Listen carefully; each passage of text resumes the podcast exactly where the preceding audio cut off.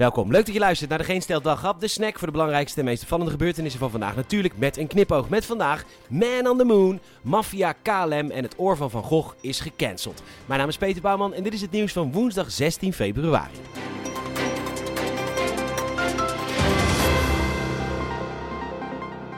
Daar is hij dan. Het eerste rapport over de corona-aanpak van Nederland in de eerste maanden van de pandemie. De conclusies zijn niet echt mals en er is dus kritiek op Hugo de Jonge.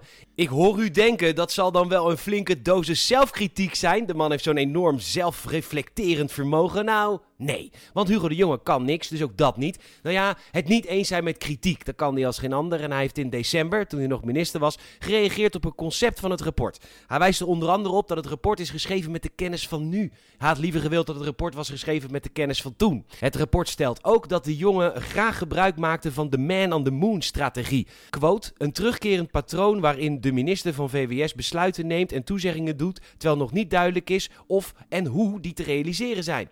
Dus eerst beloven op meer testen en bron- en contactonderzoek en dan dat niet kunnen waarmaken. Het is al langer bekend dat de jongen niet echt de kennis en kunde had voor het vak van minister. En dat is ook helemaal niet erg. Soms is een baan net te hoog gegrepen en dan ga je gewoon wat anders doen. Toch Hugo? Bij de Telegraaf hebben ze heel veel geld en dan kun je een luchtvaartjournalist betalen. Dat is Iteke de Jong en wij zijn fan. Vandaag schrijft ze over de zorgen onder KLM-personeel over de opvolger van afzwaaiend directeur Pieter Elbers. De geruchten gaan dat dit Pieter Bootsma is, alias de professor. Ja, de KLM is een soort maffia. Huidig topman Pieter Elbers wordt potige Pieter genoemd en je had natuurlijk Don Camille Eurlings, alias de boksbeugel. Vraag maar aan zijn ex. Mafia KLM houdt zich vooral bezig met afpersing en diefstal van klanten. En nu maken ze zich druk over die PCR-test die mensen moeten afnemen voordat ze gaan reizen. Dit zou mensen op kosten jagen. Ja, wat mensen vooral op kosten jaagt is de KLM natuurlijk, waar je inmiddels bijna per kledingstuk moet bijbetalen. Dus wie gaat Elbers opvolgen? Veel talent hoef je er niet voor te hebben, want het is bijna onmogelijk om KLM in de rode cijfers te krijgen. De kerosine wordt gesubsidieerd, ticketprijzen zijn hoog en als het dan toch misgaat, dan kun je kaag bellen voor wat extra's. Hoef jij geen professor voor te zijn. Het oor van Vincent van Gogh is gecanceld. Hehe. Ja, weet je, uh, psychische problemen zijn echt heel erg en zo. En mensen moeten het echt serieus nemen. Geloof me, zoek hulp, het helpt.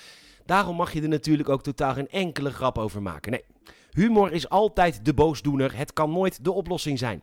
De Court Old Gallery in Londen heeft op dit moment een Van Gogh tentoonstelling en daar zijn ze erg trots op, al dus het AD.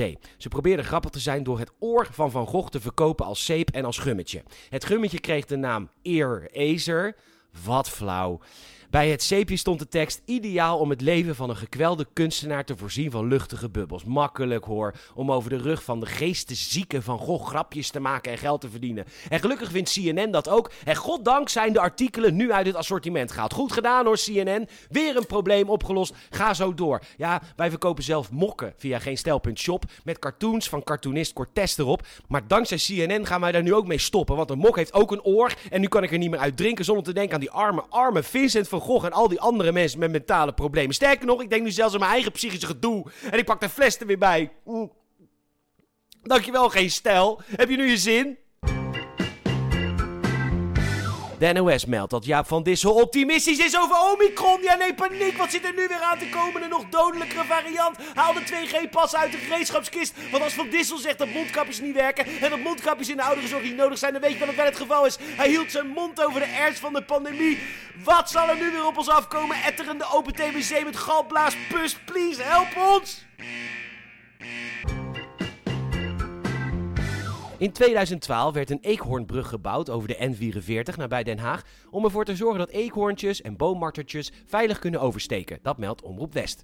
Nou, dan moet je net de stront-eigenwijze eekhoorn hebben. Toch een beetje de coronawappies van het dierenrijk. Fuck you, mens! Wij sterven liever in vrijheid dan dat we beperkende maatregelen accepteren. Nou, dat deden ze dan ook. Massaal. Sterven dan. Tot 2021, want eindelijk maken ze dan toch gebruik van de brug. Initiatiefnemer boswachter Jenny van Leeuwen, hey, kan het helaas niet meer meemaken, zij is inmiddels overleden. Stadsecoloog en mede naamlettereffecter Esther Vogelaar is blij. Nou, wij ook. Bedankt voor het luisteren. Je zou ze enorm helpen als je een vriend of vriendin vertelt over deze podcast. Je kan ook een Apple Podcast review geven, 5 sterren alsjeblieft. En je kan ons een hartje geven via Spotify. Nogmaals bedankt voor het luisteren en tot morgen.